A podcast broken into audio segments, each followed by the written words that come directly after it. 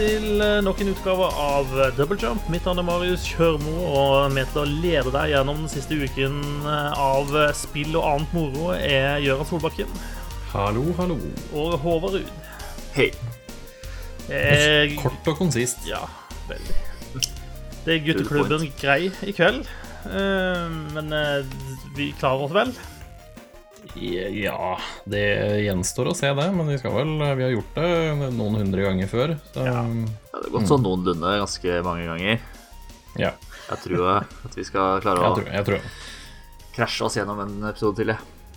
Ja. Så vi trenger en start, vi trenger en slutt, og så trenger vi noe i midten. Så hvis vi bare klarer det, så er vi der, tenker jeg. For starten er jo naila allerede. Ja, Ja da, der er vi. Den, Der er vi. den, den er vi inne. Ok, men da er vi so far so good. Ehm, vi skal prate oss gjennom masse nyheter i dag. Vi skal innom eh, en, ny, eh, en ny spalte, skal vi kalle det det? Eh, Ja. ja. En test, i hvert fall, En av en ny spalte. En test. En eh, pilotspalte. Pilotspalte-episodeting. Mm. Men først så må vi jo ha den litt sånn vante runden og høre hvordan det går med folk.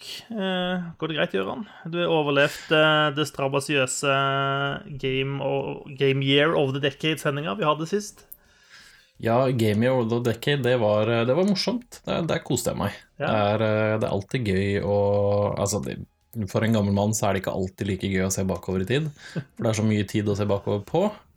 Men det er gøy å feire de gode tingene her i livet. Eh, så det, det, det kan jeg sette veldig pris på. Og så blei jeg jo dratt med på en eh, eh, Kan vi kalle det interessant konsert, kanskje? I, etter, i etterkant av det. Jeg syns det var gøy. Eh, Jeg syns det var gøy. Jeg synes det, var, eh, det var en opplevelse jeg ikke eh, vil være foruten. Ja, for jeg og, jeg og du, Marius, vi dro på, på Sentrum Scene rett etter opptak. Bare sporenstreks bort og klaska oss ned i setet og fikk presentert først et oppvarmingsband som het Hva var det vi kalte det? Skynd? Skynd? Ja, noe sånt. Ja, ja det, er, det er et dansk band. Det var, eh, det var veldig sært. Ja. Eh, Det er veldig spesielt. Ja. Det var, Eh, men det var ganske det var, det var så sært at det bikka over til å være litt kult igjen. ja, det er litt Synes sånn jeg, da. Altså, hvis Aurora hadde blitt megadeprimert og studert eh, massemordere i liksom de neste ti årene, eh, så kan det være at hun nærmer seg det, på en måte. Ja, sånn cirka. Det var en ganske god Ja. Mm, veldig, veldig rart, men veldig kult. Og så var vi på baby metal. Yeah! Det var liksom greia. Det var greia. Det var gøy. Det var artig. Ja, det, Eh. ja, det var gøy. Det var artig. Det, var, eh, det er også veldig rart. Det er, en, det er en veldig rar blanding av musikksjangere som jeg aldri hadde trodd eksisterte. Eh, og i hvert fall ikke fungerte, men det var gøy. Jepp, det var moro. Ja. Det var show, det. Um, så det var ja, da vi kom oss gjennom den dagen, og så har jeg faktisk Jeg har vært i Oslo en gang til. Det var to ganger på veldig kort tid. Jeg har vært innafor uh, uh, sentrum i Oslo, for jeg var og så på Ricky Gervais i Det var i går, det, faktisk. Ja. Hvordan var det? Eh, Det eneste jeg har hørt om den, er at det er en eller annen anmelder som slakta det veldig. Å ja, det kan godt hende. Jeg syns han er morsom. Han er uh, Altså, han, han er seg sjøl, på en måte. Han mm. drar, de, drar vitser om ting han ikke burde dra vitser om, og så slipper han unna med det, på en måte, fordi han er den han er, og gjør det på den måten han gjør. Men jeg syns det, det var kjempemorsomt. Så var Han uh, Liker du ikke han fra før, så liker du ikke det nye showet hans heller. Nei, nei, det er jo greit. Nei. Men uh, nei, jeg syns det var bra. Jeg syns det var morsomt. Jeg har en liten sånn følelse av at han uh, At han prøver litt. Prøver litt sånn materiale nå før han skal spille inn Netflix-varianten sin. Mm, Ja. Så det blir spennende å se når, liksom den, når Netflix uh, Netflix-showet slippes, hvor mye som er med og ikke, og hvor, hvor annerledes det er da, i forhold til det jeg så. For det, jeg tror det kan være litt variasjoner der, faktisk. Ja. Mm. Men uh, kos meg, jeg. Så nå, nå har jeg på en måte Nå har jeg gjort unna Oslo for 2020, føler jeg. Ja, Allerede? jeg håper å si det føler jeg også jeg har gjort. Jeg har også vært to turer til Oslo sist uke, så det har ikke vært så mye spilling på mitt vedkommende. Eh, men ikke bare var jeg på konsert med deg, Gøran, jeg var jaggu meg på konsert med deg, Håvard, også. Ja, vi var i hvert fall på samme konsert. ja, det var vi. Vi var, eh, det var dagen før vi spilte inn eh, Game Year of the Decade, så var vi i eh, Norges eh, storstue, er ikke det man kaller det? Oslo Spektrum. Du skal få lov å kalle det det hvis du vil. Eh, takk. Hvor eh, Dropkick Murphys var eh, hoved, eh, hovedretten. Eh, og det var jo som forventa, kanskje. Jeg syns det var gøy. Altså ehm, det er sjelden Altså, det er få settinger hvor eh, kombinasjonen eh, trekkspill og sekkepipe er så artig. Ja, eh, det kan man jo kan man si. Altså, det var jo det var stor stemning og mye, mye øl i lufta. Um, Bokstavelig talt. Bokstavelig talt. Ja. Uh, men jeg syns, kanskje Dropkick Murphys er litt sånn som uh, ACDC. Uh, at det er kjempe, kjempetøft, men det holder fint med fem-seks sanger av gangen. Mm. Så eh, jeg skal innrømme at jeg ble litt sånn utålmodig eh, eh, etter hvert. Eh, jeg syns sangene blir, eh, blir litt like. eh, og når du spiller sånn sin kanskje nest mest populære sang, eller ja, topp tre i hvert fall, da, Rose Tattoo, eh, og så kjenner jeg den ikke igjen før eh, vokalisten bæljer ut 'This is Rose Tattoo'. Så tenker jeg at det kanskje er et eh, tegn på at ting er litt, litt likt, da. Eh, og så så jeg de Jeg så de også på Tons of Rock-festivalen i fjor sommer, så jeg føler kanskje jeg har fulgt dropkick-kvota mi for en stund. Ja. Personlig så satt jo Jeg er jo blitt så gammel, og det er jo dropkick også, eh, så jeg var litt sånn Ja, men spill mer av de gamle greiene deres, da. Eh, Men, eh, men det var artig. Det, Ja. Jeg, jeg koste meg. Jeg, jeg kasta ikke øl på noen. Eh, Jeg drikker ølen jeg betaler for. Eh, Ja. Men det var Jeg mye kast, øl. Jeg kaster også kun tomme kopper. Ja, OK. Ja. Eh, Men Frank Turner varma opp, og han er jo en kjempeentertainer. Det var første gangen jeg så, så han. Ja, det var, det var veldig, veldig imponert over. Ja. Og han første fyren de dutta ut på med kassegitaren, var ganske OK, han også, faktisk. Ja, Jesse et annet. Han, han var også veldig flink. Han, eh, God vise visesanger. Han spilte The Clash, så da er jeg fornøyd. Så. Ja. Anyways eh, Skal vi prate litt om dataspill, gutta? Ja, det La oss Har vi, har vi hatt tid til å spille noe dataspill mellom imellom all konsertgåing og Oslo-turer og annet eh, ståk? det, det er eh, bare så vidt. Jeg var jo på to konserter til jeg, den eh, forrige uke. At du, jeg er jo dritsliten etter de to jeg var på, liksom. Ja, Jeg var på Sum 41 dagen etter eh, den eh, beryktede innspillinga, og så var jeg på Oslo S på, eh, på lørdagen. Så det ble mye, mye punk Mye punk i monitor uh, forrige uke. Jeg, jeg var ikke klar over at Sum 41 fortsatt uh, spilte. Jo da, de har holdt på i rundt 25 år, de, og eh, var i Oslo, eller i Norge, for første gang forrige helg. Eller i helga. Ja. nei, forrige uke. Forrige uke. Yes. Så det, det var veldig kult. Det var kanskje favorittkonserten min fra, fra forrige uke. Uh, Tøft. de er visst på verdensturné nå, ser det ut som, ifølge Google. Så Mexico og Australia er på gang. Så. morsom historie om Oslo S, for det er eh, det han, eh, jeg, jeg husker ikke om det er gitaristen eller vokalisten, eller i hvert fall en, en av de i bandet der. Han, det er sønnen til en tidligere kollega på, på jobben til pappa. Um, han har gått av med pensjon nå, da. Men han eh, altså, En litt lengre historie, litt kortere. Men han eh, hadde prata litt om det her. Sånn at ja, sønnen har spilt i band og var litt sånn, da. Uh, og sa liksom ikke så mye. Nei, han drev og øvde litt og spilte, fikk noen konserter og sånn, da. Og så var det jo pappa da som oppdaga det her en gang når han så Oslo S da spilte konsert på et eller annet eh, kjempestor festival. Sant? Så var det sånn Jøss, er, ikke- er ikke det er ikke det sønnen til han på jobben som sier nei, det hørte, han fikk det til å høres ut som det var sånn kjellerband med liksom tre kompiser som nesten ikke kunne spille musikk. Og så var de liksom superstore i Norge blitt, sånn ut av ingenting. Så det var sånn stolt pappa som ordentlig ikke prater sønnen sin opp, i hvert fall. Eh, Det kan, Det kan hende de i Oslo S også snakker seg litt eh, ned, da. Eller har litt om beina Ikke snakker seg ned, men har beina på bakken.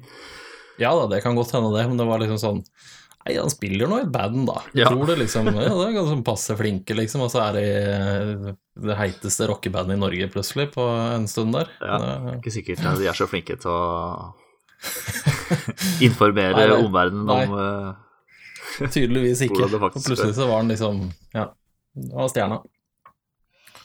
De er flinke, de òg. De er morsomme. Det var kjempegøy. Jeg var på en liten Ja. scene i eh, Lillestrøm, faktisk. Så det var jo litt av mjølkerute for å komme seg hjem da, klokka halv to på natta. Og Hvor i Lillestrøm hadde du konsert? da? På Martins.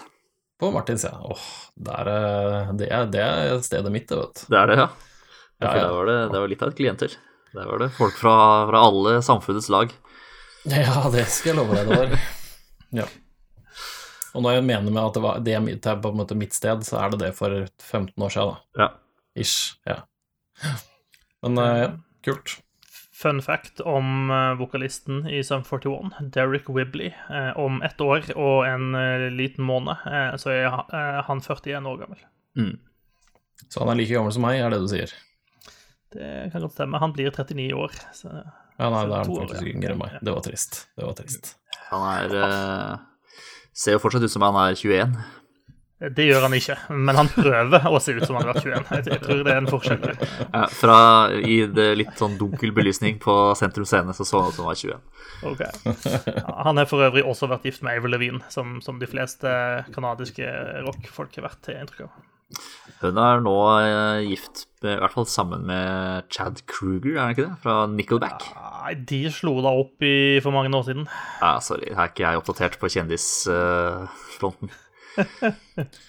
Se og hør, gutten min. Ja. eneste måten å være oppdatert på. Kan være det en åpning i det jeg sier, Håvard. Mm. Du må bare bli en kjent kanadisk rocker først. Ja, det var det, da. Men som jeg prøvde å innlede med for en liten stund siden, eh, skal vi snakke litt om spill, gutta? Ja, det var det, ja. Ja, det var det vi drev med. Ja. Ja. Spill, ja. ja. Jo da, det har, det har blitt litt av det. Ja, for du, Gøran, du, eh, du har latt deg inspirere av Jonas, eh, som var litt frustrert over oss i forrige episode. Ja, jeg, jeg tok det han sa til hjertet, for han, han kjefta litt og sa dere er teite som ikke har spilt Out of Wilds. Um, så sa jeg men du, jeg har spilt det i ca. 27 minutter. Det holdt ikke. Uh, så nå har jeg spilt det i 29 minutter. 29 minutter til, eller 29 minutter Ja. totalt? Nei da, jeg har spilt eh, Si jeg har spilt eh, en to, tre, fire timer, kanskje. Et eller annet sånt. Jeg veit ikke. Jeg har ikke tatt tiden, men jeg har i hvert fall spilt eh, et par runder til, da. Og det Ja, jeg kan begynne å se uh, Se greia. Jeg kan gjøre det. Det var ikke, det var ikke spill som liksom klikka for meg med en gang, men uh, For det er jo jeg, jeg husker ikke om jeg har prata noe særlig om det, men det er Eh, Det er et spill der du på en måte våkner opp som en, eh, som en eller annen type alien eh, på en fremmed planet. Eh, som er liksom utforskere, astronauter, men de bruker sånn type tremateriale, litt sånn rustikk eh, Rustikk blanda med eh, avansert teknikk, på en måte.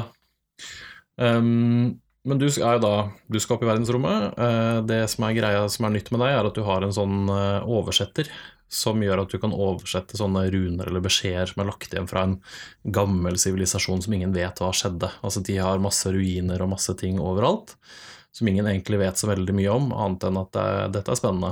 Eh, og så flyr du da opp i romskipet ditt, eh, og så er det litt sånn klønete styring, og det var litt sånn, så jeg blei litt sånn irritert på hele den greia der, og så Eh, og så la jeg det fra meg, men nå tenkte jeg nå får jeg, får jeg prøve nå, da. Men du flyr egentlig bare opp fra planeten, ut i verdensrommet, og så har du masse planeter rundt deg som du bare Den kan jeg fly til. Så da tenkte jeg ok, da bare ser jeg opp i verdensrommet, og så finner jeg en planet, og så flyr jeg til den. Eh, og så landa jeg på den, og det gikk sånn tålelig greit. Eh, krasja i hvert fall ikke. Og så eh, ut av, ut av liksom der og begynte å utforske, og så fant jeg noen sånne ruiner. Og så gikk jeg ned i kjelleren der og utforska og fant noen sånne runer som jeg oversatte, og jeg fikk fram et sånt Denne planeten Altså, det var noe sånt, noen som hadde skrevet beskjeder til noen andre her om at på denne planeten, så hit må vi gå for å komme oss videre til noe. Jeg skal ikke spoile så mye av alle disse tingene, men i hvert fall, dra dit, sør på den planeten, der kan det hende vi burde gjøre noe. Um, men mens jeg da sto og leste det her, så plutselig så bare eksploderte den planeten. Yes. Og så ble jeg bare skyte liksom ut i verdensrommet og bort fra romskipet mitt og alt mulig rart. Um, men farten min gjorde at jeg da var heldig og traff en annen planet. Uh, og jeg greide å liksom styre med sånn jetpacks og sånn, sånn at det liksom gikk sånn Jeg overlevde i hvert fall, da. Uh, og så fant jeg en, eh, jeg fant en fyr der som satt på denne tydeligvis en måned, og så plutselig så blir det bare kjempelys, og så blir det mørkt. Og så våkner jeg opp på starten igjen. Helt på starten. Samme fyren som sitter ved det bålet, eh, sier at nå må du gå og hente oppskytningskodene. Og så kan jeg da si ja, men de har jeg jo allerede henta. Og så sier han ja, men da slutt å tulle. Nå må du, nå må du skjerpe deg, liksom. Eh, og så er jo det hele, hele greia med spillet at det går en sånn tidsloop. Du har 20 minutter sånne loop på deg, og så går hele verden under. Altså det er et eller annet, en sol som krasjer i planeten, eller jeg husker ikke helt hva som er greia, det veit jeg vel egentlig ikke ennå. Um, så jeg har liksom havna i denne tidsloopen, da, så da har du x antall minutter da, på å komme deg til et sted, se hva som er der, uh, og lære det du lærer, og så, og så dør du, og så begynner du på nytt. Men du Carrier du med deg det du på en måte heller? Ja, informasjonen du får, den blir lagra på skipet ditt. Ok, Så det er ikke helt Ja. sånn Det er ikke Majora's Mask-gameplay, liksom? Eh, nei, det har jeg ikke spilt, men nei, jeg tror ikke det. Eh, eh, men i hvert fall da så har jeg liksom tatt vare på denne informasjonen her, da, så har jeg kommet meg litt til litt nye steder og sånn, og det er det er ganske spennende, det er ganske fascinerende hvordan det liksom er lagt opp, og hvordan de forskjellige planetene er, og ruiner, hva du får av informasjon og sånne ting. Så det, det her tror jeg jeg kan kose meg bra med. Og jeg vet ikke hvor de vil hen, jeg vet ikke hvor de vil med historien. Jeg kan sikkert, sikkert sett sånn typ 7% av spillet, men det her virker veldig spennende. Veldig sånn, litt sånn annerledes og nytt og kult. Så det, det kommer jeg til å spille mer. Jeg skal ta og prate mer om det når jeg har runda det en eller annen gang i sånn typ eh, november eller noe sånt sikkert. Men eh, i hvert fall nå, nå kan jeg skjønne litt av, litt av hvorfor det får så mye skryt som det det gjør, og så får vi se om det klikker for meg sånn som det har gjort for mange andre. Men eh, ja, det virker veldig spennende. Jeg er veldig glad for at jeg har kommet mer i gang med det nå, og så skal jeg spille mer. Høres bra ut. Noe veldig kul musikk. Ehm, de har et sånt hovedtema typ som går igjen, som blir brukt, brukt opp igjen et par steder og sånn. Det er veldig, veldig stilig.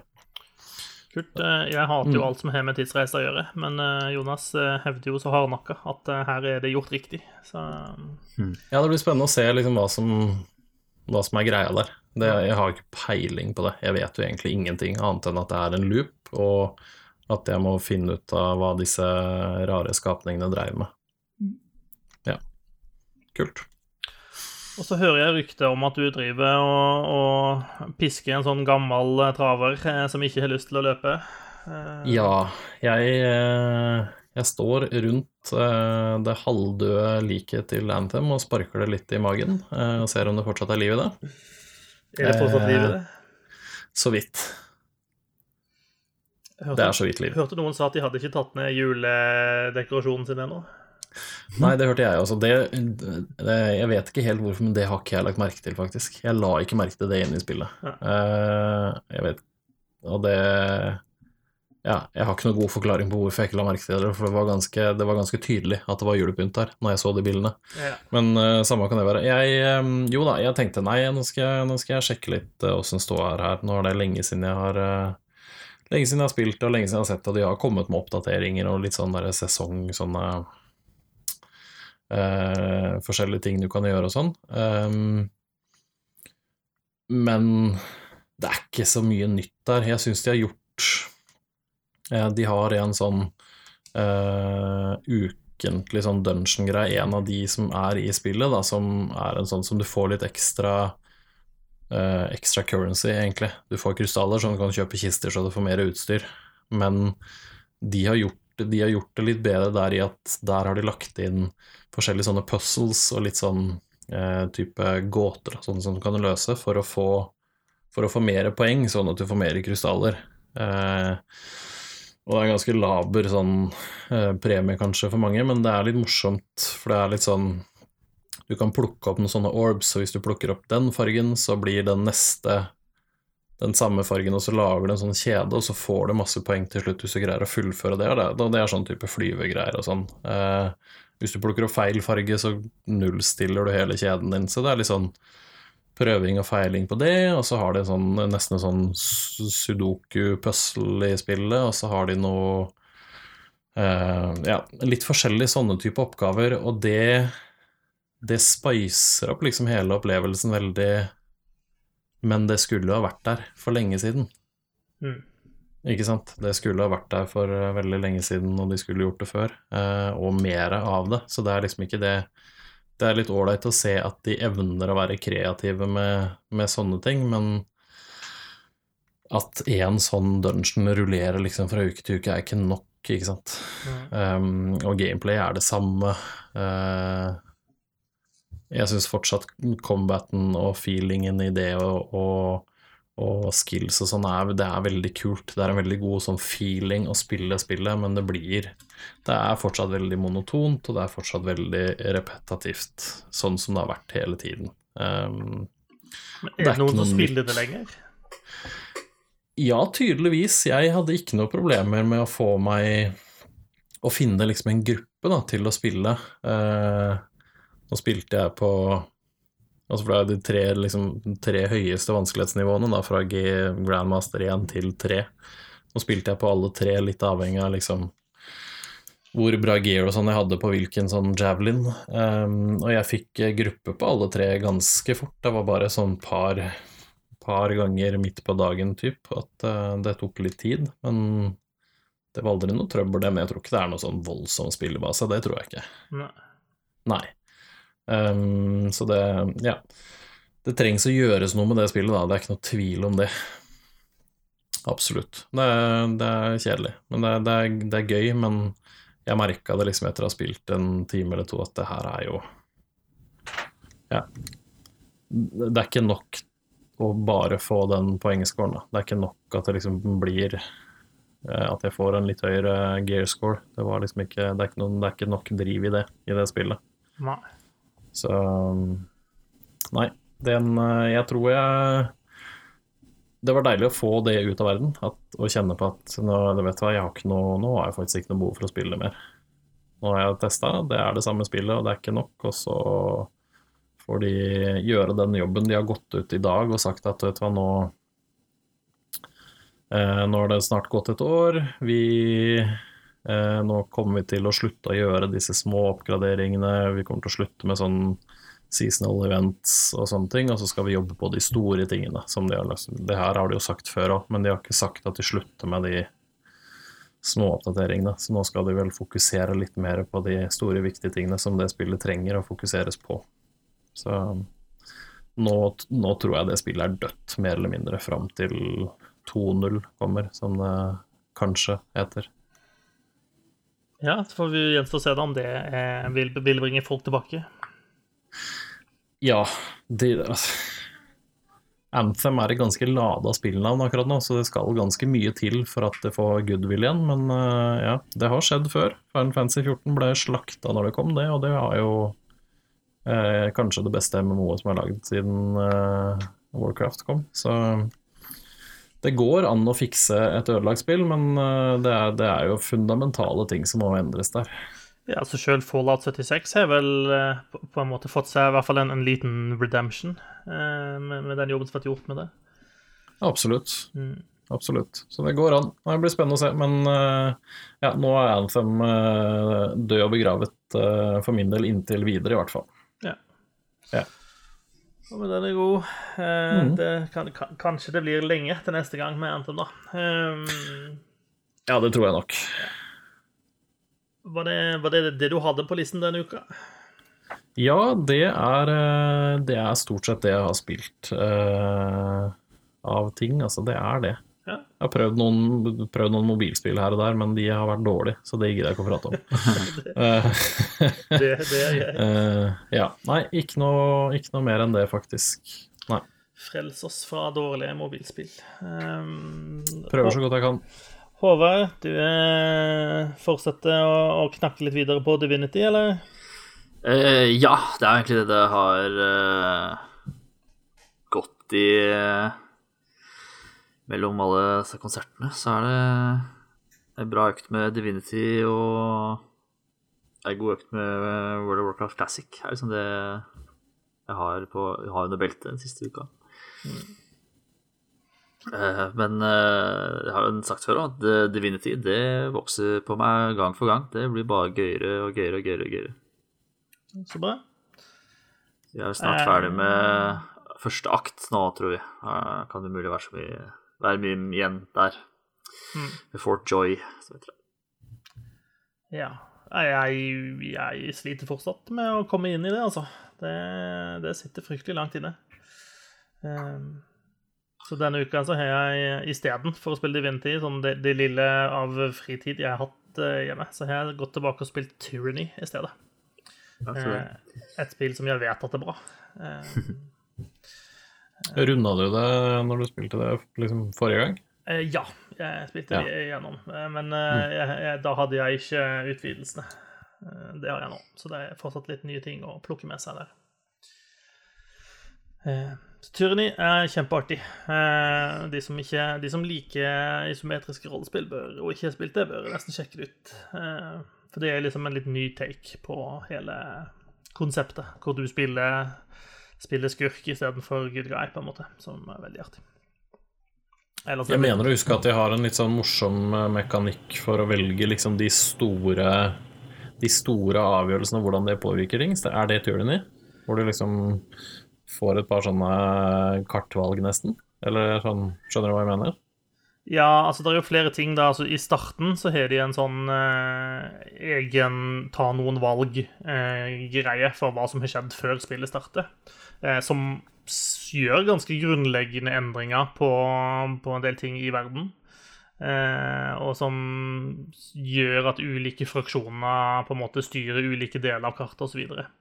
Eh, og etter hvert som du begynner å spille, så er det også noen sånne klare stier du kan velge å gå. da. Eh, det er to sånne store eh, krigsfraksjoner som du på en måte kan mediere mellom. Eh, og du kan velge å støtte en av de, da, eller du kan gå full on rogue eh, og bare erklære på en måte krig på begge de to, eh, og prøve å bare ta all makt til deg sjøl. Eh, samtidig som du skal prøve å balansere veldig mye annet eh, eh, Veldig mange andre fraksjoner og sånt eh, innimellom der også. Så det, det er ganske snedig designa. Eh, for det, for det, de valgene du tar, føles som om de har en, en, en betydning eh, på hva som skjer rundt det. Og det er ganske artig. Ja, stemmer det. Mm. Det er et kult spill. Jeg har ikke runda det, jeg har spilt det, litt. Men eh, ja, kanskje det, kanskje det er et spill det er verdt å gå tilbake og sjekke, istedenfor Anthem, i hvert fall. Ja, hvis du har lite å spille en dag, så anbefales. Eh, men eh, det tar noen timer å komme gjennom, for å si det sånn. Ja. Ja. Det gjør det. Det er det er stort sett det, altså. Så jeg lurer på om vi skal bare hoppe rett på nyhetspreiket. Fordi eh, ja, det har vært eh, fryktelig travelt sist uke. Så jeg håper at det blir litt mer tid til gaming eh, kommende uke, kjenner jeg. ja. Enig. La oss håpe. La oss håpe. Og et spill som vi kanskje kan spille kommende uke, er Corruption 2029. Eh, For utvik Ja. utviklerne av Mutant Year Zero, de heter The Bearded Ladies. Eh, De annonserte sitt nye spill og sier at å, det kommer neste uke. Eh, Ja, hvorfor ikke? ja, hvorfor ikke? Eh, Det kommer på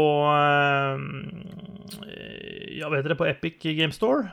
Eh, Og de har sluppet en trailer til det, og det, det ser veldig X-kommete ut, da. Ja, det gjør det. Det ser veldig XCOM ut, og så ser det også uh, Det ser ut som de bruker en del av de samme tingene som de hadde med i Mutant Year Zero, og det, det var et spill med mye gode ideer som jeg Som liksom ikke klikka helt, men som var Det var ganske morsomt. Så dette er jeg klar for å prøve, altså. Ja, og det ser jo ut som et litt sånn eh, ja, halvfuturistisk eh, setting. Eh, Der det er turbasert action som er i fokus. Eh, Og det Ja, folk slash roboter eller noe sånt. Og vi får se noen som eh, Ja, vi får se folk bruke ulike våpen. Vi får se noen som kan gjøre seg usynlige. Eh, ulike evner som de har. Eh, og jeg syns jeg ser noe sånn der en prosent eh, sjanse for å treffe og sånt også. De det kan vi jo aldri stole Ja, det er jo sånn som, sånn som oss masochister liker. Så er det jo det der, den evige frykten for at eh, 97% bommer. Den er jo Ja. Mareritt. Ja. Og med en gang den bommer, så er det i- den dominoeffekten av alt som kan gå galt, som bare går galt. Da. Ja, altså når det safe skuddet bommer, da vet jeg at nå dør det i hvert fall én til fire stykker i gruppa mi. Mm. Ja. Og så er det sånn i, i liksom i kommentarverdens eh, herlige eh, greie, da, så er det den første kommentaren på gamer.no er akkurat Der kom haken. Epic Store. Da tenker jeg sånn Dra til helvete hvis det er et problem. oh. mm. Men eh, jeg skal ikke prate noe mer om folk, for det har vi prata om mange ganger og uffa oss mye over. Men ja. Nei, det ser, jeg syns det ser spennende ut. De, det er kult. Og så koster det jeg tror det er 20 euro prisen den ligger på. Det er jo en ganske snill pris. ja. i hvert fall det Ja. Det kan være verdt å sjekke ut altså, når det kommer om eh, litt av uke. ja. Eh, Et annet spill som er på vei, men som nok tar litt lengre tid før det er ferdig, er en remastered versjon av The Wonderful 101. Eh, Yes, sir. Platinum Games-spillet, som jeg må innrømme at jeg har ingen forhold til. eh, Men du har litt kjennskap til det, er du ikke det, Gøran? Jo, jeg øh, Jeg sa nå i stad at jeg spilte demon, men jeg er, litt, jeg er litt usikker. Jeg kan hende jeg faktisk kjøpte det på VU. Jeg var en av de 17 stykkene i Norge som kjøpte meg en VU, og som brukte den ganske mye, faktisk. Jeg kjøpte også en Wii U. Jeg brukte ja. den ikke ganske mye. Nei, jeg brukte, den- eller jeg, jeg brukte den ganske mye til noen få spill. Ehm, men eh, det var en litt sånn morsom Morsom twist på liksom superhelter og, og i hvert fall sånn kampmekanikk, fordi du styrer, så vidt jeg husker, da, så styrer du liksom hele horden med ting. Mm. Med mennesker og sånn, eh, sammen. Eh, Du styrer Og så er- 101, kanskje?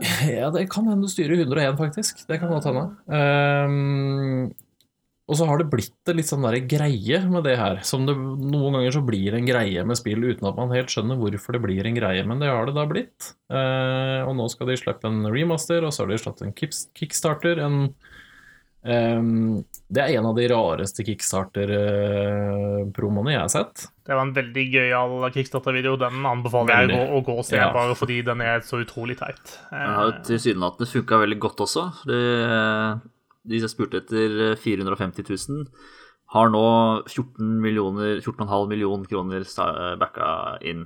Eh, nådd De er 3143 funded, står det. Ja. Så det har gått veldig bra. De har eh, Jeg tror det er eh, sånn typ tredje gangen de må komme på nye stretch goals nå. Så den, eh, ja, den har de, den har de truffet bra med. Mm. Um, Stor interesse, med andre ord. Stor interesse, og ja, det blir spennende å se. Eh, Jeg, jeg spiller gjerne det spillet mer enn det jeg gjorde. Ja. Gjør det. Og så er det, det er jo Platinum Games, da. Platinum Games er eh, Ja, de er kule. Og han Hideki Kamiya, han er eh, ah, Han er fyr, ass. For en fyr. Mm. Nei, du, er. Du er over gjennomsnittlig glad i Platinum Games, Jøran. Jeg er det. Jeg vet jeg er det, men la meg få lov til å være det. Ja, for all del. Eh, Dan Houser eh, forlater Rockstar. Det var vel Det er vel kanskje den største spillnyheten eh, som har skjedd den forrige uka, vil jeg si. Ja, det er jo, det er jo egentlig en bombe. Eh, Det er ganske big deal, føler jeg. Altså Uten at man vet noen ting om hva som foregår eh, hos eh, Rockstar, så er jo det en greie. Ja, han har jo liksom vært der i over 20 år, eh, og liksom var en av grunnleggerne av, eh, av Rockstar Games. Ja, det er jo han og broren hans, liksom, som har, eh, Ja.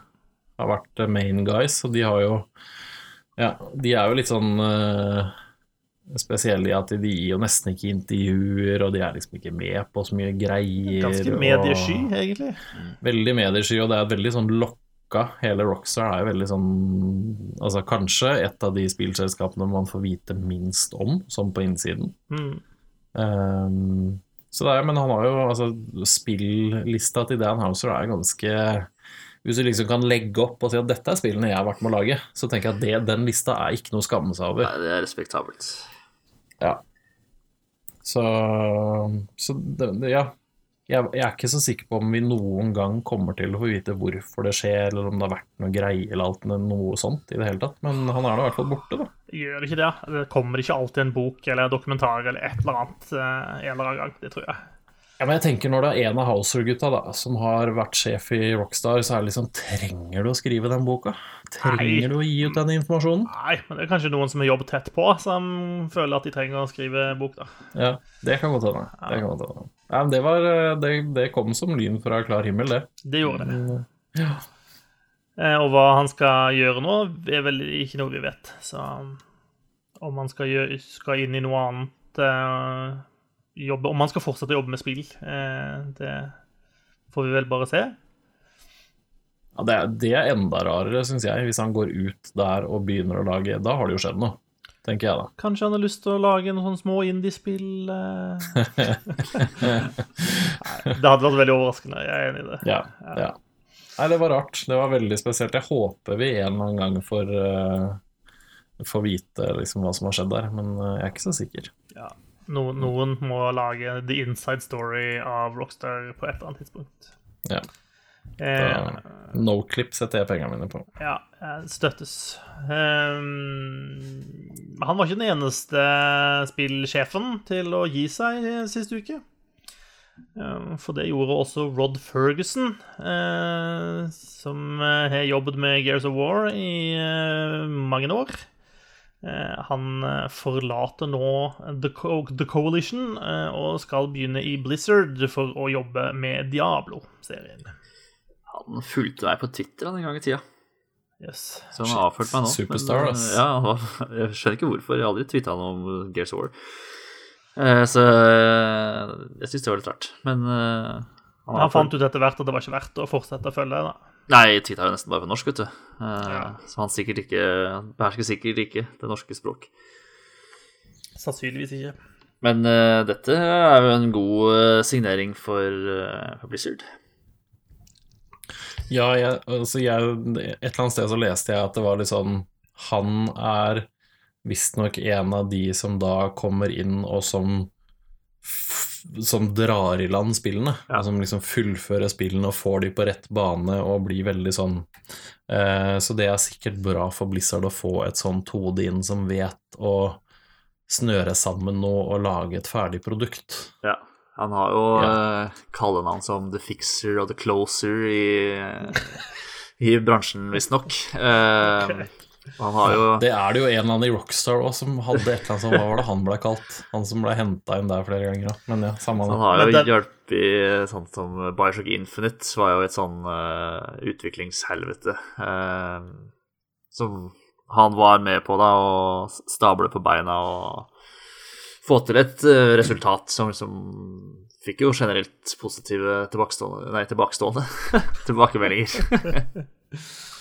Eh, ja, jeg, men jeg, jeg mener på at eh, Blizzard var gjennom akkurat den her samme prosessen uh, som tidlig i Diablo 3, eller i Diablo 3-prosessen. Da også henta de inn noen sånne store navn fra andre firma som nå skulle inn og jobbe med, med Diablo, og få dette skipet på rett kjøl igjen. Ja, altså Diablo 3, når det kom, var jo helt ødelagt av dette auksjonshuset, blant annet. Altså det var jo flere ting da, men eh, det var jo en helt Det blei jo en helt sånn ubalanse i det spillet når det kom, så det, det høres riktig ut, det. At de har hyra inn folk for å få de på rett kjøl igjen der òg. Så er det mange som tøyser med at nå blir det cover mechanics i Diablo. Åh, sjukt. Ja, det tror Jeg jeg, ikke, det ikke skjer, men uh, jeg tror ikke Diablo 4 nødvendigvis er sånn kjempelangt unna, hvis uh, de nå henter inn noen for uh, som, Nei, som det, det, kalles begynner å, closer. det begynner å versere litt sånn rykter om at det er faktisk 2020-spill. Ja. Mm. og det er en sånn Jeg vet ikke om jeg skal ikke kalle det en negativ trend, eh, bare sånn fordi det kommer mye spill, eh, men det virker jo litt sånn som Activision har eh, driver og pusher Blizzard i en mer Activision-nett retning, altså at eh, å få ut, å få ut mer spill eh, og fortere, ikke sant. Eh, For Blizzard har jo alltid vært kjent for liksom å ta seg den tida som de trenger. eh, og når spillet er ute, så fortsetter de liksom å støtte det så lenge, så lenge det er liv laga, da. Mm. Um, men nå har de jo liksom kutta drastisk ned på Heroes of the Storm. Um, uh, Overwatch 2 skal jo kommer jo nå uh, innen et år, sikkert. Um, Men det mobilspillet må vel komme snart også? ja, det er Diablo Immortal, ja. Um, Vi har telefon. Vi er klare. Så ja, ja, er du gæren. så Og så skal jeg ikke, nødv ikke nødvendigvis at det er uh, en negativ ting, men det er liksom fort gjort å kanskje bli uh, oppfatta som en litt sånn pengegrisk uh, For det er ikke noen tvil om at Activision har jo det uh, stempelet sammen med EA for, eh, som kanskje de to verste, da. Ja. Som pøser ut Call of Duty etter Call of Duty, og det funker jo. De tjener jo drøssevis med penger. Um, Er, det- er det ikke litt naivt å anta at ikke Blizzard er interessert i å tjene penger? så selvfølgelig, De, de, selvfølgelig, de har vært en av de store pengemaskinene de siste 15 årene. selvfølgelig er de interessert i å tjene penger. uh, men, og det har de jo alltid gjort. Um, jeg bare tenker at de ser ut som altså, de før var mer eh, interessert i å sånn- tjene penger på kvalitet heller enn kvantitet. da. Eh, Blizzard Soon er kanskje ikke noe sånn greie lenger nå, fordi det er ikke de som nødvendigvis bestemmer hva som er Soon. Det, er litt sånn, det blir jo press fra flere hold der på å få ut noe ting. Mm. Så um, Nei, jeg veit ikke. Uh, Bunchy var ikke veldig lenge inn i samarbeidet med Activision, de. Før de hoppa av igjen. Nei. Så um. Det er vel ikke Det er, det er gode og dårlige ting med å ha, ha en sånn penge, pengebinge i bakkant, tenker jeg. Ja. Så jeg Ja, skal ikke men, si at det eh, nødvendigvis er en dum ting. Jeg har kjempehøye forventninger til, eh, til Overwatch 2. Uh, jeg, det vi har sett av Diablo 4, er uh, pirrende. jeg syns det ser interessant ut. Så Mm. sånn. Det er ikke nødvendigvis eh, en dum ting. Nei. Og så kan det Det kan være noe i at uh, altså GGG, som lager Path of Exile, de driver med en sånn 2.0-versjon som, som de har sagt at uh, det kommer mest sannsynlig en beta i slutten av 2020. Det kan godt hende uh, Blizzard og Activision ser at kanskje vi skal prøve å hoppe på før den kommer. At vi kupper den nye uh, nye ARPG-spillet. Tror du de gidder Prøver det? Tror du de legger opp sin, sitt løp etter, etter sånt? Jeg, jeg tror de vurderer det mer enn noen ganger fordi Path of Exile Altså spillebasen til Path of Exile den vokser jo fremdeles. Selv om det er et seks år gammelt spill nå, så blir det, det er flere og flere som spiller det for hver sesong. Og det er flere og flere som spiller det lenger, og, altså mye lenger, da, for hver liksom, nye oppdatering. Så jeg tror det er en større konkurrent nå enn for bare noen år siden. Så jeg tror det er en vurdering, det òg, men Nei, ikke, no, ikke nødvendigvis, men det kan godt hende det har noe å si. Men uh, de har jo ikke noe De har jo ikke noe annet på tapeten da i år, har de det? Så det er liksom Diablo 4. Eller av Overwatch 2? Ja. Jeg tror, eh, jeg tror på Jeg tror på Diablo 4 før Overwatch 2, i hvert fall. Det gjør jeg. Det gjør ikke jeg, ass. Ehm, men uh, dette er nok en god, eh, god signering av Blizzard. De har hentet en fyr som har peiling, og har peiling på hva som gjør et spill bra. Så Ja. forhåpentligvis så betyr det jo ikke at de er helt på viddene, da. At de trenger en fyr som kan sy inn eh, 300 løse tråder. Dette bare er liksom en sånn Her kommer det en fin fyr inn for å sørge for at polishen blir eh, helt perfekt. Og, og fint om man kunne få Diablo til å bli morsomt, da. Det hadde vært oh, oi. Sassy. Greit, vi, vi åpner ikke den uh, debatten. Eh, Ubisoft eh, de hadde et røft eh, år eh, rent økonomisk forrige Ja, eller det, inneværende økonomiske året, som vel slutter, i, Mhm. slutter i mars. Ehm, og har nå vært ute og sagt at de planlegger å slippe fem store spill, fem trippel A-spill, i det neste økonomiske året. Altså da fra, fra 1. april av og frem til, til slutten av mars neste år. Eh, og da er det jo spekulasjonen å løse på hvilke spill dette kommer til å være. Eh, det blir vel Watchdogs Legion. Det blir vel yep. Gods and Monsters. Mm. Det blir Rainbow Six Quarantine. Og så tipper jeg det blir Assassin's Creed og Far Cry. Jeg eh, støtter den spådommen. Ja, og det gjør også Jason Trier, så da er det jo da er jo det mer eller mindre fasiten. Det, det ser i hvert fall mørkt ut eh, for eh, et nytt Splinter Cell-spill, som det er mange der ute som ønsker seg. Eh, Og det ser kanskje enda mørkere ut for Beyond Good and Evil, som gudene vite når skal finne på å komme ut. Ja, eh, Beyond Good and Evil, det begynner å kjennes litt sånn ut som om at det kanskje ikke kommer. Ja, Jeg vet ikke helt. Det, så, det, har, det har vært så lite nyheter om det så lenge nå. Og det er litt sånn Den er jeg ikke så sikker på, altså. vi har vi sett Men- noe fra det fra den gangen de var ute og Nei. inviterte inn folk til å være med å lage innhold til spillet? Ingenting. Nei. Ingenting. Det som, er liksom, det som folk syns er kjedelig med den nyheten, her da, er jo at det er ikke noe Splinter Cell. Det er liksom det som er greia nå, da. Mm. Sorry, Mac, men det blir ikke noe Og det, det, det hadde vært kult. Et nytt Splinter Cell, det, det kunne jeg godt like. Splinter Cell Conviction var kult, ass.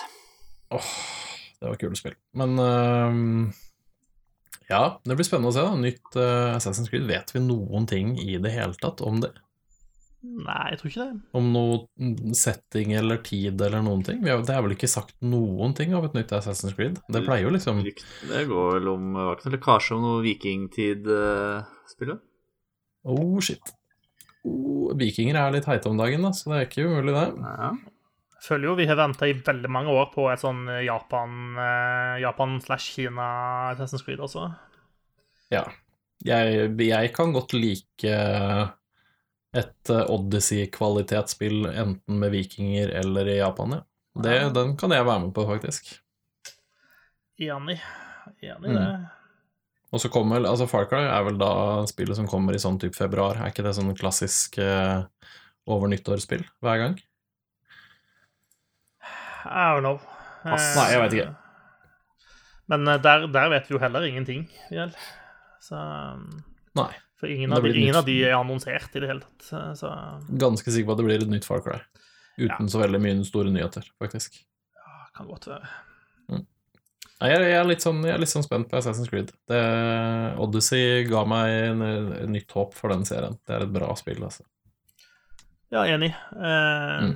De, de har funnet litt ut av hvilken retning de er nødt til å ta den serien i, hvis de skal fortsette å pumpe ut sånne spill. Eh, og hvis de, ikke klarer å videreutvikle det, så er det gode Assassin's Creed-tida i møte, tror jeg. Eh, Absolutt. Jeg gleder meg mest til Watchdogs Legion, må jeg innrømme. Ja, ja, ja. Det jeg ser, ser, svinaktig ut. Oh, det ser veldig, veldig bra ut, faktisk. Ja. Eh, skal, vi, eh, skal vi ta en sånn eh, hvilke, hvilke spill man får til ulike tjenester i eh, kommende måned? Eller Ja, inneværende det- måned, eller vel kanskje? In, inneværende måned. Vi skal prøve å det Prøve å huske å gjøre det så tidlig som mulig hver eneste nye måned. For å liksom uh, si litt hva som kommer. Uh, og på PlayStation Plus så er det i hvert fall en supergodbit supergod bit nå i februar. Eh, for der kan du hente Bioshock The Collection helt gratis. Mm. Og det er jo en bra pakke med spill. Ja, Vil den eh, si. burde man jo hente hvis man ikke har spilt det allerede.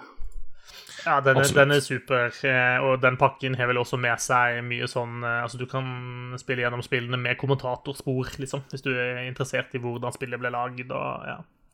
Det, det er mye bra i den pakka der. Ja, det er jo med én og to i oppussa drakt, og så er det også Infinite med høyere oppløsning. Det visste jeg faktisk ikke, det leste jeg nå. Så mm, kanskje jeg skal hente den pakka. Vi gikk jo, da, er jo- Sorry, fortsett. Nei, nei, vær så god. Jeg skulle bare si at vi eh, gjorde jo vårt eh, så godt vi kunne på å oppsummere historien i Bioshock-trilogien for eh, noen episoder siden, så scroll deg tilbake i arkivet. Eh, Hvis du Det var helt, ikke. det var et helt middels forsøk, vil jeg si. Det var et ærlig forsøk. Ærlig. Det, det, var, det var ærlig. Det hadde vært fristende å si spoilers, men det, det tror jeg ikke det er, faktisk. ikke så kjempe Ja, det er tre bra spill, i hvert fall. Og så får du Sims 4 får du også gratis på PlayStation Plus. Er det en sånn du Um, får grunnpakka, og så må du, mangler du allikevel 190 nedlastbare pakker, eller hvordan, hvordan er det? Det tror jeg kanskje det er, ja. Jeg tipper det, jeg. ja. Eh, og så får du også et uh, skytespill som heter Firewall Zero Hour, som er et uh, VR-spill. Right. Vet ingenting om det. På Xbox Live Gold, hvis du har den tjenesten, så får du et motorsykkelspill som heter TT Isle of Man. Eh, det står sikkert for Time Trial, tror du ikke det? Sikkert. Eh, Your guess is as good as mine. Yes. Eh, og så får du Call of Cthulhu. Det tror jeg du har spilt, eh, Marius. Ja, det, det var ikke supert. Nei, det er Cyanide som har eh, lagd det. De som lagde Tour de France-spillene. Ja. Eh, Pro, Pro Cycling. Manager. Ja. Um, de er sånn middels gode til å lage andre spill, uh, så ja, ta det for det det er. Men det er i hvert fall gratis, da. Ja, det, um, du får det med den tjenesten du betaler for. Ja, og så gir de også ut noen sånne litt eldre spill, eh, sånn 360-spill også, i denne tjenesten. Og jo, denne måneden så er det Fable Heroes. Det har jeg aldri spilt. Actionspill satt til eh, Fable-universet, og så er det det originale Star Wars Battlefront fra 2004. Ikke det nye Battlefront-spillet.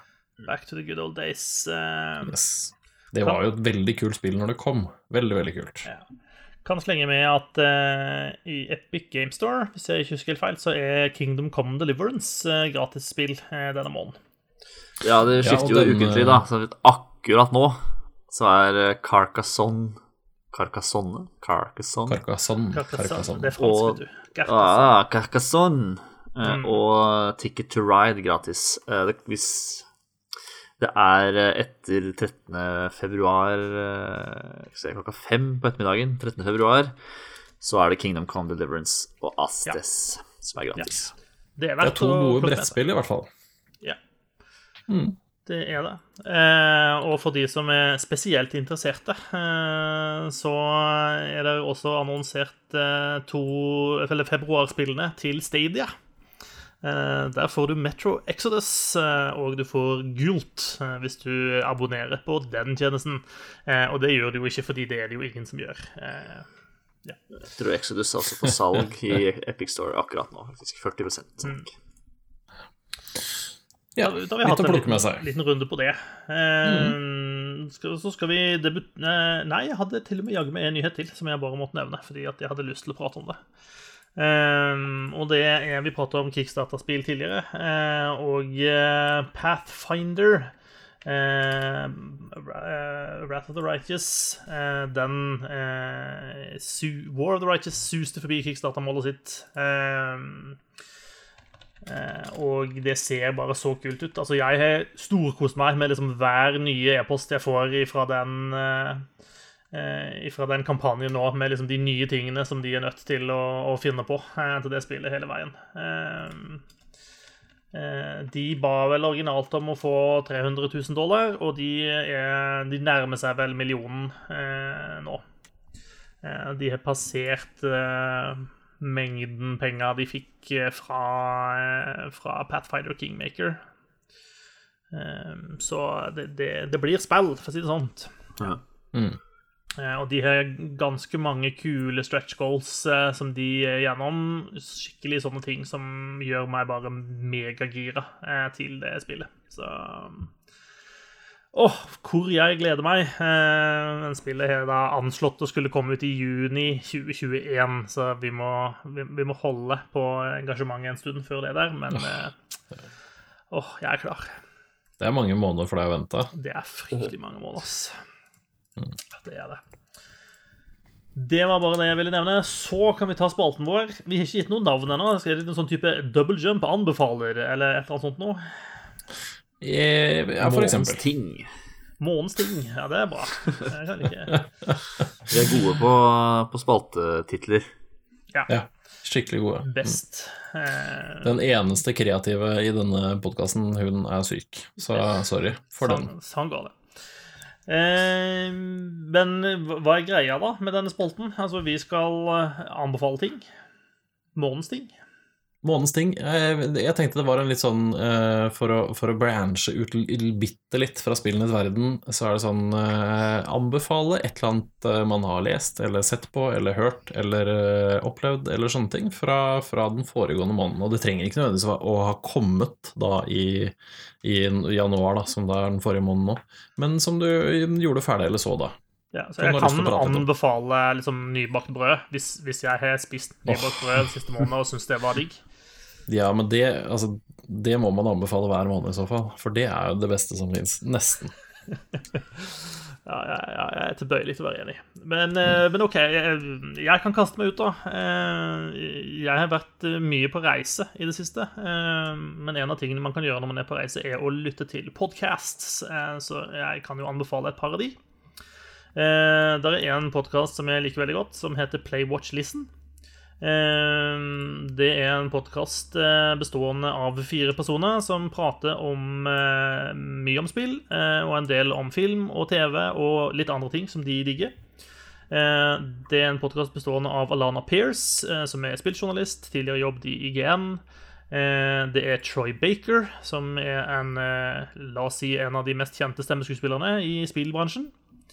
Eh, Det er Austin Wintory, eh, som er spillkomponist. eh, Blant annet lagt musikk til Flow og Journey. Og den siste i kvartetten heter Mikey Bithell.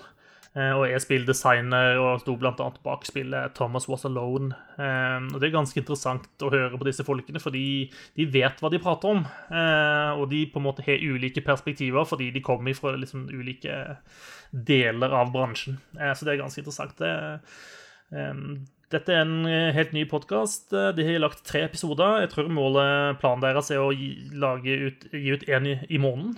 Eh, Så du blir ikke sånn neddynka av nye episoder. Men de som er der, er, er verdt å høre på, så det er verdt å sjekke ut. Kult. Um, bra samling med gjeng folk. ja, veldig. Eh, Veldig OK folk og veldig god stemning i podkasten. Ja, eh, hyggelige mennesker, rett og slett. Eh, og apropos hyggelige mennesker, så kan jeg også slenge ut en shout-out til Bergens Tidende sin politiske podkast, som eh, ikke er så veldig gammel, den heller. Den heter Nokon må gå. Eh, og den er da med eh, Jens Kiel, Morten Myksvold og Gerd Margrethe Kjellflot, som alle er politiske kommentatorer i BT. Eh, det er masse politiske podkaster der ute, men dette er liksom den som gir det et, et vestlandsperspektiv, da.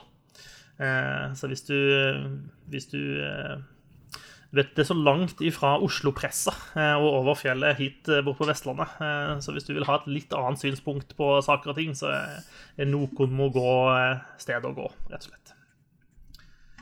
Jeg tror det var Kult. det jeg har hatt tid til å få med meg uh, i det siste. Uh, jeg, jeg så ferdig The Witcher. Den, den var god. Ja. Kult. Kan jeg eh, få anbefale en podkast også? Dine ting. Uh, for da har jeg lyst til å anbefale um, en podkast som heter Hele historien um, fra NRK, hvor de tar for seg eh, eh, Er litt sånn store, delvis tragiske historier som har prega Eller fra norgeshistorien, da. Um, og um, de gis ofte ut De gis i flere episoder. Vanligvis to, noen ganger tre. Um, og i uh, Jeg satt en gang på, på Twitter, som jeg bruker Jeg bruker altfor mye tid på Twitter. Og der var det noen som skrev eh, at de kom på eh, Drammens is, og lurte på hvor det hadde blitt av Drammens is. Så de, eh, så de hadde googla det, og så hadde de funnet at den eh, fabrikken til Drammens Is den brant ned som et resultat av liksom, oppskaleringa av MC-krigen som foregikk på 90-tallet. Um, og da jeg så det, så var jeg sånn Ja, eh, nok om Drammens Jeg har lyst til å høre om MC-krigen. Så jeg leste en eh, liten uh, liten uh, Wikipedia-artikkel. uh, og så tenkte jeg fader, som var kult? Hvis NRK hadde laget noen episoder om MC-krigen i hele historien-serien sin. Eh, så gikk jeg bare inn for å sjekke om det var det, og hvis det ikke var det, så skulle jeg, så skulle jeg tipse noen.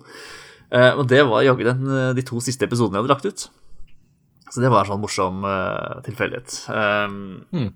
og, og det er egentlig superinteressant. Det handler om uh, rivaliseringa mellom Bandidos og Hells Angels. Uh, og uh, det er bare sjukt eh, Det er bare sånn sprøtt hvordan liksom, det her har foregått i, i Norge. Dette er sånn du bare ser på film og i, i TV-serier. sant? Um, Sons of Anarchy. Eh, ja, nettopp. Så, så den, er veldig, den er veldig kul. Eh, det er flere Jeg har hørt et par til uh, historier i, fra den podkastserien, og det er, det er kjempebra laga radio, radiodokumentar. Um, så var det en annen tilfeldighet som fikk meg til å oppdage en podkast. Fordi eh, ved en feiltagelse så kjøpte jeg en måned med Viaplay. Eh, fordi eh, Ja, huff da. Det er en helt forferdelig tjeneste. I hvert fall den appen, eh, smart-TV-appen deres. Helt katastrofe. Eh, Men det kan vi ta en annen gang. Det er en annen podkast. Fordi jeg skulle se Star Wars, de nye Star Wars-filmene, før jeg skulle dra og se eh, den siste. Den eh, siste i den nyeste trilogien. Men da, de måtte man kjøpe eh, på Viaplay. Man kunne ikke se de med et med et eh, sånn vanlig abonnement, og det hadde ikke jeg sjekka før jeg kjøpte abonnementet. Så da satt jeg der, da. Um, eh, og så at de hadde eh, den eh, amerikanske komedien My Name Is Earl. Den, eh, den har de. Og um, det er en serie som jeg så Jeg så den en sånn Sikkert litt etter at den egentlig gikk, da, sånn på midten av 2000-tallet. Jeg tror den begynte i 2005. Um, og som jeg har hatt lyst til å se opp igjen, så jeg begynte, så jeg begynte å se, da. Um, og i den serien så spiller Ethan Suplee spiller broren til Earl. Uh, Ethan Suplee spiller en rollekarakter som heter Randy, som er litt sånn uh, Er ikke sånn kjempeskarp, akkurat. Um, og så, eh, noen, noen dager etter at jeg hadde begynt å se opp igjen eh, My Name Is Earl, så dukka det opp et bilde av eh, Ethan Shipley. I serien så er han Han er ganske trullet inn, da. Ganske god, god og rund. Har noen kilo lovers. overs. Um, Stuttjukk, som det heter på Østlandet. ja, men han er ikke så stutt heller, så han er ganske høy. Men okay. så dukka det opp et bilde på, nok en gang på Twitter av uh, Ethan Suplee. Men nå er han blitt, altså, blitt buff som faen. Han er altså så muskuløs og har anlagt et kjempeskjegg og er bare Han ser skikkelig badass ut, liksom. Um, så eh, jeg googla han eh, litt mer, da. Han som har gått ned Han har jo drevet sånn jojo-slanking og sånn. Um, og like etterpå så uh, begynte, slapp han den første episoden i eh, sin nye podkast som heter American Glutton. Som, eh, som kort og godt handler om hans forhold til mat, som er eh, ganske problematisk, som han sier. Altså han eh, eh, Jeg tenker ikke gå inn i hele hans forhold til mat, men eh, han eh, har jo vært eh, veldig overvektig. Eh, og så har han vært eh, ganske normalvektig, og så har han blitt og så skada han seg. Han, var veldig flink til å trene og sykle mye, og sånn, så han gikk ned igjen. Og så skada han seg, så gikk han opp igjen. Um, og så har han uh, bare kommet til et punkt hvor uh, Fader heller. Det er eh, at han, da skal han begynne å trene og spise sunt og sånn. Så eh, første episoden handler egentlig mest om om han. Den andre, andre også, for så vidt. Eh, men så har han liksom begynt å dra inn eh, eksperter på forskjellige dietter og på næring og på kosthold. Og Han skal ha med eh, helt vanlige folk da, i, fra gata eh, for å snakke om deres eh, skal jeg si, sånn, ja, forhold til mat og kosthold og treningsregimer og sånn. Um, som er veldig snart. Jeg lasta egentlig ned episoden for å høre hvordan høres egentlig Ethan Supplee ut når han ikke spiller en uh, en litt sånn dum uh, fyr i en TV-serie. Um, så det er litt rart å, å høre han snakke liksom litt, sånn, litt mer raspete stemme, og han, og han banner, og han er liksom Han framstår ganske tøff, da. Mm. Uh, så det var, det var, litt gøy. Og så viste det seg at denne podkasten er jo kjempeinteressant i tillegg. Uh, så hvis man er Kult. litt interessert i trening og kosthold uh, og sånn, så, så kan den den falle i smak. Tøft. Ifølge Tinder så er alle interessert i trening og kosthold. ja, ikke sant. Jeg skal også slenge ut uh, noen anbefalinger. Uh, den første er en serie som jeg ikke har sett ferdig, fordi den ikke har sendt alle episodene. Men det er Picard, som går på Amazon Prime akkurat nå. Patrick Stewart. Patrick Stewart er tilbake på skjermen som vår alles kjære. Um, den er Det er vel tre episoder som har kommet nå, tror jeg. Tre eller fire. Jeg er litt usikker om den har kommet en fjerde nå eller ikke. Men i hvert fall, den åpner veldig veldig sterkt. Kjempebra skuespill og høy produksjonsverdi og ordentlig sånn uh, God sånn Star Trek-fil, egentlig. Nå er ikke jeg noe sånn super Star Trek uh, nødvendigvis. Jeg har sett en del på det, sett ganske mye av det, men ikke, jeg har ikke sett alt kronologisk. Jeg kan ikke si hvem som er hva og sånn. Vi, vi kaller oss trekkies, Gøran. Ja, ja, sorry. Jeg, jeg, jeg, kan nok ikke kalle meg en trekkie, men jeg liker en del av Star Trek. Uh, men det her syns jeg var veldig bra. Veldig kult. Og så er det Patrick Stewart er kul, da. Han er kul, han er glad i hunder, og det er liksom Det er ikke noe gærent med han. Han er en fin fyr. Um, så, så, den vil jeg anbefale. Går på Amazon Prime. Det er også et par andre veldig veldig gode serier på den tjenesten. Så Bare sleng inn, altså Følg Patrick Stewart og Ian McKellen på sosiale medier. De er, de ah, ja. er bare verdens mest wholesome sånn bromance, de to. Ja, det er helt fantastisk. Det er nydelig.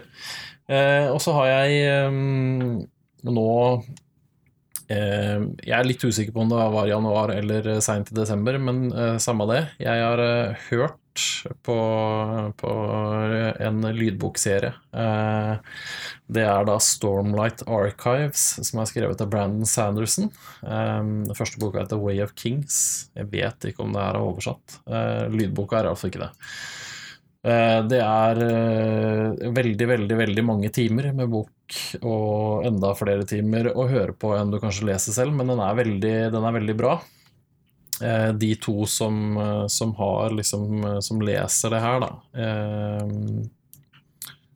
Det heter Kate Redding og Michael Kramer. De, har, de leser flere bøker sammen, men de gjør en veldig, veldig god jobb med liksom Ja med stemmer og med, med innlevelse og alt mulig. Veldig, veldig god, bra lydbok, og veldig, veldig bra bok, egentlig. Bra sånn spenning og en fin sånn heltereise, egentlig, hele den uh, greia. Brandon Sanderson er flink, altså. Så den vil jeg anbefale, enten å plukke opp i bokform eller høre på, på Audible, som jeg hørte. Um, hvis du har en uh, 70-80 timer til overs da, og hører på lydbok. Um, og sist så vil jeg anbefale uh, en norsk podkast, en norsk spillpodkast, faktisk. Det er kanskje litt sånn fy-fy her uh, i dag, men uh, nei da. Nerdelandslaget har den nyeste episoden til Nerdelandslaget nå når vi snakker. Det kommer vel kanskje en ny nå denne uken, men de hadde Kjetil Jansrud som gjest nå forrige uke. Oi. Veldig veldig kul episode, og det viser seg jo at Kjetil Jansrud er kanskje en større nerd enn de fleste han, eh, han kan sine greier. Han spiller mye spill, og han er, det var kjempefascinerende å høre på han. Og det er litt sånn Jeg vet ikke, jeg, jeg er glad i idrett, jeg er glad i vinteridrett og sånn, og så er det Alpingutta er kule. Mm. De har en eller annen greie. De er bare avslappa og kule, og eh, det er vanskelig å ikke like de bortsett fra én, men han skal vi ikke nevne ved navn her nå. Um, Men så var det kult å høre liksom han prate om, uh, prate om det vi sitter og prater om hver eneste uke. Uh, veldig fascinerende og veldig gøy å høre på. Uh, så um, den vil jeg absolutt anbefale folk å sjekke ut. Veldig interessant. Kult. Det var Mm. altså månens ting, eller noe sånt. Kan jeg få lov til å slenge inn en månens uting? Er det, er det innafor, når vi er i samme lende? Ja. Eh, fordi jeg har vært mye på reise eh, og ikke gjort så mye annet enn trykk på telefonen, så har jeg som gammel mann eh, testa ut å være ung og fresh eh, og lasta ned TikTok.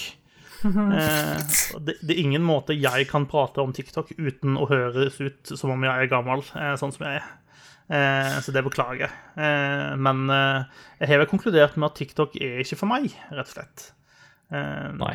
Det Jeg skjønner jeg, jeg kan skjønne appellen. Jeg kan skjønne at det er mm, eh, vanedannende. Eh, fordi det er en sånn kontinuerlig videostrøm som bare aldri stopper, og bare serverer deg nye og nye videosnutter hele tiden. Eh, det er lett at på en måte tida plutselig bare flyr når du sitter og glor på det, men det er Det er noe eh, artig innhold der, eh, men du må liksom gjennom så mye ymse eh, for å finne det at eh, ja, jeg, jeg har i hvert fall ikke klart å knekke noen kode på hvordan jeg skal sile innholdet da, til å få det som er morsomt eller bra. Eh, og får altfor masse videoer av tenåringsjenter som gjør ulike danseutfordringer. For de er der Kanskje 80% av alle videoene er ca. det. Er det nå jeg skal ta på meg Susanne-hatten og si OK, boomer? Bare Sure. sånn for å Men, men altså, jeg, jeg, jeg disser ikke TikTok for å være TikTok. Eh, folk må gjerne bruke det til det det er. Eh, Jeg er helt enig med deg. Marius. Jeg har også, jeg har også lasta ned TikTok for en god stund siden, faktisk. Eh, og jeg var sånn eh, dette, dette kan ikke folk se at jeg ser på, for det blir feil. Ja. Ja, dette Kanskje, blir feil. kanskje ikke jeg, sitte på bussen uh, og se på Nei. TikTok. Det Nei, jeg, nei jeg kan ikke, det kan ikke jeg gjøre. Jeg er for gammel til det. Det blir, det blir helt feil det, på så veldig mange måneder. Og så er det jo da, det er noen morsomme ting innimellom, uh, og det er noen morsomme videoer, men jeg tror kanskje jeg er tilfreds med å få de delt på nytt igjen, f.eks. på Instagram, eller noe sånt. Hvor de liksom har silt ut innholdet allerede for meg. Jeg er så gammel at jeg er liksom superbruker på YouTube. Jeg. Så gammel er jeg. Ja. Åh, YouTube er deilig, ass. Har du kjøpt eh, Hva heter det? Sånn at du ikke får reklame på YouTube? Jeg har hatt Premium. premiumabonnement en stund, ja. Du har det, ja. Ja da. Det er fint, det. Da kutt- kutta jeg ut eh, Spotify-abonnementet mitt også, så får jeg YouTube Music isteden. Funker for meg. Ja. Og så fikk jeg jo ja, den- gratis eh, sånn eh, smarthøyttaler av de her til jul også, fordi jeg var premiumabonnent av en eller annen grunn. Det gjorde jeg jo. Yep. Mm. Det tror jeg var det for denne uka. Eh, vi rakk jo litt likevel, da, selv om vi ikke har spilt så fryktelig mye. Jaggu klarte vi å skravle en god stund, ja. Ja, så får vi eh, satse på at vi tar oppspillinga igjen eh, eh, til neste uke. Eh, da er ikke jeg her, for øvrig, så da er jeg er veldig spent på hva dere skal diske opp med eh, mens jeg er ute på andre ting. Ja, Den som lever, får se. Eller i hvert fall høre. Ja. Mm. Eh, da sier vi takk for oss for denne gang, og på gjenhør om en ukes tid. Eh, hei så lenge. Høres. Ha det bra.